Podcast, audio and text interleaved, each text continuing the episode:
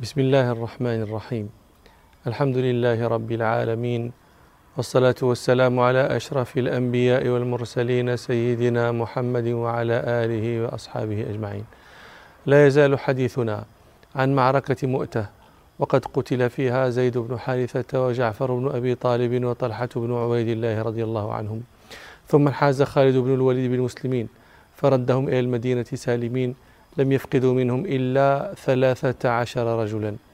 ووجد رسول الله صلى الله عليه وسلم في نفسه وجدا عظيما لموت أصحابه ولا سيما الأمراء الثلاثة. روى البخاري ومسلم في صحيحيهما. عن عائشة رضي الله عنها قالت لما جاء رسول الله صلى الله عليه وسلم قتل ابن حارثة وجعفر بن أبي طالب وعبد الله بن رواحة جلس رسول الله صلى الله عليه وسلم يعرف فيه الحزن. قالت وأنا أنظر من صائر الباب. صائر الباب وأشق الباب.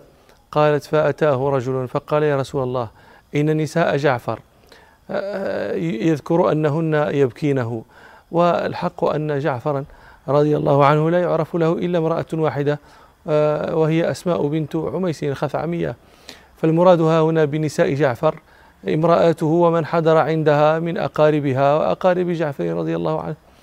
قال إن نساء جعفر وذكر بكاءهن فأمره رسول الله صلى الله عليه وسلم أن يذهب فينهاهن.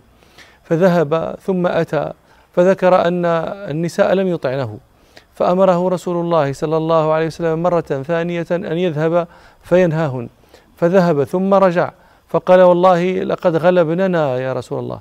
قالت فزعمت أن رسول الله صلى الله عليه وسلم قال اذهب فاحث في أفواههن التراب. قالت فزعمت أن رسول الله صلى الله عليه وسلم قال اذهب فاحث في أفواههن من التراب. فقالت عائشة فقلت أرغم الله أنفك. يعني هي فهمت من قرائن الحال أنه أحرج النبي صلى الله عليه وسلم بكثرة تردده إليه. قالت أرغم الله أنفك. والله ما تفعل ما أمرك رسول الله صلى الله عليه وسلم. يعني أنت لا تستطيع أن تحثو في أفواههن التراب. ما تفعل ما أمرك رسول الله صلى الله عليه وسلم وما تركت رسول الله صلى الله عليه وسلم من العناء. وأمر رسول الله صلى الله عليه وسلم بالاعتناء بآل جعفر. روى أحمد وأبو داود والترمذي وابن ماجه. عن عبد الله بن جعفر رضي الله عنهما قال لما جاء نعي جعفر قال النبي صلى الله عليه وسلم اصنعوا لآل جعفر طعاما فإنهم قد جاءهم ما يشغلهم. وروى أحمد والطحاوي أن رسول الله صلى الله عليه وسلم أمهل آل جعفر ثلاثا أن يأتيهم. يعني أن رسول الله صلى الله عليه وسلم ترك لهم مهلة لم يأتهم بعد وفاته. تركهم يبكون ويحزنون عليه ثلاث ليال. ثم أتاهم صلى الله عليه وسلم بعد ذلك فقال لا تبكوا على أخي بعد اليوم. ثم قال صلى الله عليه وسلم ادعوا إلي بني أخي. قال فجيء بنا كأن أفرخ.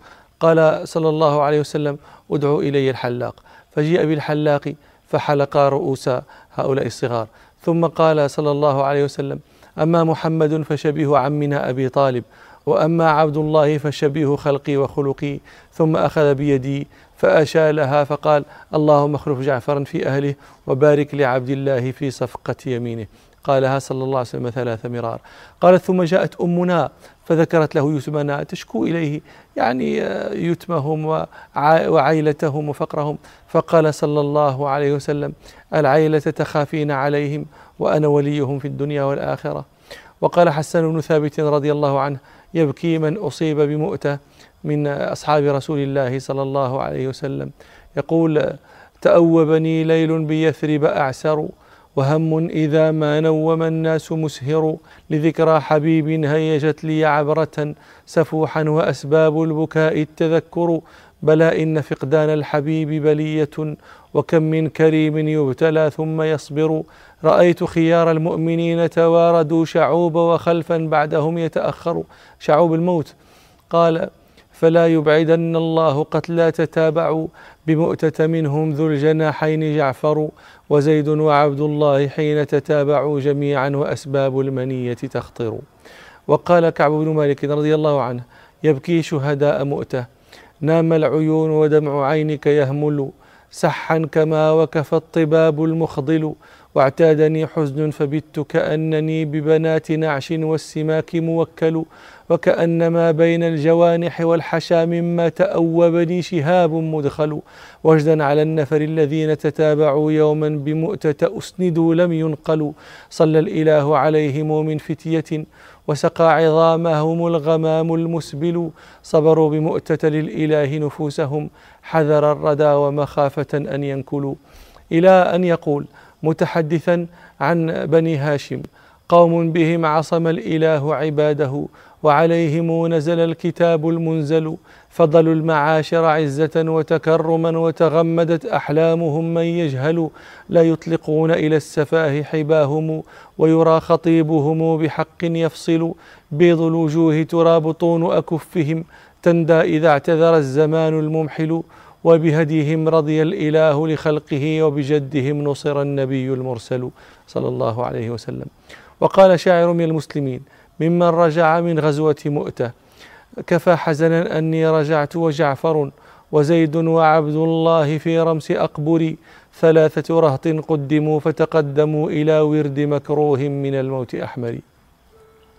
رجع رسول الله صلى الله عليه وسلم إلى المدينة فلم تمض سوى أيام على عودة الجيش من مؤتة حتى جهز رسول الله صلى الله عليه وسلم جيشا آخر بقيادة عمرو بن العاص رضي الله عنه إلى ذات السلاسل. وذات السلاسل أول مشهد يشهده عمرو بن العاص مع المسلمين. وسبب هذه السرية أن رسول الله صلى الله عليه وسلم بلغه أن جمعا من قضاعة وهم بلي وعذرة وبنو القين قد تجمعوا يريدون الإغارة على أطراف المدينة. فدعا رسول الله صلى الله عليه وسلم عمرو بن العاص وبعثه إليهم. روى أحمد وأبو داود والطحاوي عن عمرو بن العاص رضي الله عنه. قال بعث إلي رسول الله صلى الله عليه وسلم فقال خذ عليك ثيابك وسلاحك ثم أتني قال فأتيته وهو يتوضأ فصعد في النظر ثم طأته صعده يعني نظر إلى أعلاه وإلى أسفله. قال فصعد في النظر ثم طأطأه فقال إني أريد أن أبعثك على جيش آه، يسلمك الله ويغنمك وأزعب لك من المال زعبة صالحة. يعني أجعل لك قسطا من المال آه، لا بأس به. قال عمرو فقلت يا رسول الله ما أسلمت من أجل المال ولكني أسلمت رغبة في الإسلام وأن أكون مع رسول الله صلى الله عليه وسلم. فقال رسول الله صلى الله عليه وسلم يا عمرو نعم بالمال الصالح للرجل الصالح. ثم عقد له رسول الله صلى الله عليه وسلم على ثلاثمائة من المهاجرين والأنصار. فخرج بهم عمرو رضي الله عنه حتى إذا دنا من القوم. بلغه أن جمعهم كثير. فبعث إلى رسول الله صلى الله عليه وسلم يستمده. فبعث إليه رسول الله صلى الله عليه وسلم أبا عبيدة بن الجراح رضي الله عنه في مئتين من المهاجرين الأولين. فيهم أبو بكر وعمر رضي الله عنهما. وأمره أن يلحق بعمر وأن يكونا جميعا وأن لا يختلفا. ويذكر أهل السير بإسناد مرسل أن أبا عبيدة لاحق بعمر فقال عمرو إنما قدمت علي مددا وأنا الأمير. فقال أبو عبيدة لا ولكني على ما أنا عليه وأنت على ما أنت عليه. فقال له عمرو بل أنت مدد لي. فلما رأى ذلك أبو عبيدة وكان رجلا حسن الخلق لين العريكة قال لتعلم يا عمرو أن آخر شيء عهد إلي رسول الله صلى الله عليه وسلم أن قال إن قدمت على صاحبك فتطاوعا ولا تختلفا وإنك إن عصيتني لأطيعنك. فقال عمرو فإني الأمير وأنت مدد لي. فقال أبو عبيدة فدونك. ونهى عمرو الناس عن إيقاد النار فغضبوا. روى ابن حبان عن عمرو بن العاص رضي الله عنه أن رسول الله صلى الله عليه وسلم بعثه في غزوة ذات السلاسل. فسأله أصحابه أن يوقدوا نارا فمنعهم. فكلموا أبا بكر ليكلمه. فكلمه رضي الله عنه في ذلك فقال لا يوقد أحد منهم نارا إلا قذفته فيها. فغضبوا وساروا مع ذلك حتى وطئوا بلاد بلين وعذرة وبني القين ودوخوها. وهذه القبائل الثلاثة هي القبائل القضاعية التي كانت تريد الغارة على المدينة. فلقوا العدو فهزموهم حتى هربوا وتفرقوا في البلاد. ثم أراد المسلمون أن يتبعوهم فمنعهم من ذلك عمرو بن العاص. وأقام أياما ثم قفل راجعا إلى المدينة. فلما كانوا راجعين إلى المدينة احتلم عمرو بن العاص رضي الله عنه. روى أحمد وأبو داود عنه رضي الله عنه أنه لما بعثه رسول الله صلى الله عليه وسلم عام ذات السلاسل قال فاحتلمت في ليلة باردة شديدة البرد فأشفقت إني اغتسلت أن أهلك فتيممت ثم صليت بأصحابي صلاة الصبح فأنكر الناس علي هذا أيضا. فلما رجعت السرية إلى رسول الله صلى الله عليه وسلم ذكر الناس للنبي صلى الله عليه وسلم ما صنع عمرو بن العاص من منعهم إيقاد النيران ومن منعهم اتباع العدو ومن صلاته بهم وهو جنوب. فدعاه رسول الله صلى الله عليه وسلم فسأله عن ذلك. روى أحمد وأبو داود عنه رضي الله عنه أنهم لما قدموا على رسول الله صلى الله عليه وسلم ذكروا ذلك له. فقال له صلى الله عليه وسلم يا عمرو صليت بأصحابك وأنت جنوب. فقال قلت نعم يا رسول الله إني احتلمت في ليلة باردة شديدة البرد فأشفقت إني اغتسلت أن أهلك وذكرت قول ربنا سبحانه ولا تقتلوا أنفسكم إن الله كان بكم رحيما فتيممت ثم صليت فضحك رسول الله صلى الله عليه وسلم ولم يقل شيئا. وأما عن منعهم آه، من إيقاد النار ومن اتباع العدو فقد روى ابن حبان. أنه لما انصرف ذلك الجيش وذكروا للنبي صلى الله عليه وسلم ذلك وشكوه إليه عمرو بن العاص قال عمرو يا رسول الله إني كرهت أن آذن لهم أن يوقدوا نارا فيرى عدوهم قلتهم وكرهت أن يتبعوهم فيكون لهم مدد فيعطفوا آه، عليهم فحمد رسول الله صلى الله عليه وسلم أمره. فلما رأى عمرو أن رسول الله صلى الله عليه وسلم رضي هذا الذي صنعه مما أنكره عليه أصحابه زيادة على أنه أمره على الجيش وفيهم أبو بكر وعمر وقدماء الصحابة وقع في نفسه أنه مقدم عند رسول الله صلى الله عليه وسلم في المنزلة عليهم. فسأله ليتحقق ذلك.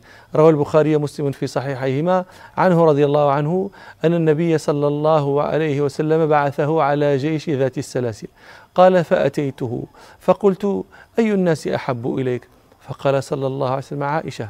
قال فقلت من الرجال. قال أبوها. قلت ثم من؟ قال ثم عمر بن الخطاب. قال عمرو فعد رجالا. قال فسكت مخافة أن يجعلني في آخرهم. مرت أيام معدودة ثم دخل شهر شعبان فنقضت قريش عهدها مع رسول الله صلى الله عليه وسلم الذي عقدته في الحديبية. فقد تقدم لنا في صلح الحديبية أنه كان من شروط الصلح أنه من أراد أن يدخل في حلف المسلمين وعهدهم دخل فيه ومن أراد أن يدخل في حلف قريش وعهدهم دخل فيه وأن من انحاز إلى واحد من الجانبين اعتبر جزءا منه وأن الذي يصيبه يصيبه فأي عدوان نزل بالمنحاز فكأنه نزل بالمنحاز إليه.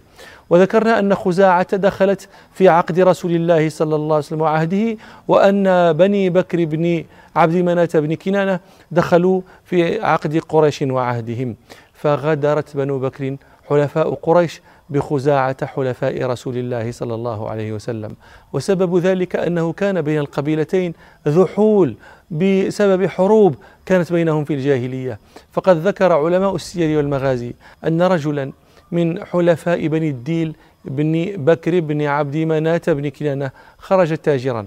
فلما توسط أرض خزاعة عدوا عليه فقتلوه وأخذوا ماله فعدت بنو بكر على رجل من خزاعة فقتلوه. فعدت خزاعة على بني الأسود بن رزن الديلي وهم كانوا منخر بني كنانة وأشرافهم فقتلوهم بعرفة عند أنصاب الحرم. فبين بنو بكر وخزاعة على ذلك إذ جاء ربنا سبحانه بالإسلام فحجز بينهم وتشاغل الناس به. فلما كان صلح الحديبية بين رسول الله صلى الله عليه وسلم وقريش وكانت الهدنة اغتنمها بنو الديل بن بكر من خزاعة وأرادوا أن يصيبوا منهم الثأر بأولئك النفر الذين أصابوا منهم. فخرج نوفل بن معاوية الديلي في جماعة من بني بكر حتى بيتوا خزاعة ليلا وهم آمنون. ونكمل حديثنا فيما نستقبل إن شاء الله. سبحانك اللهم وبحمدك. أشهد أن لا إله إلا أنت أستغفرك وأتوب إليك. والحمد لله رب العالمين.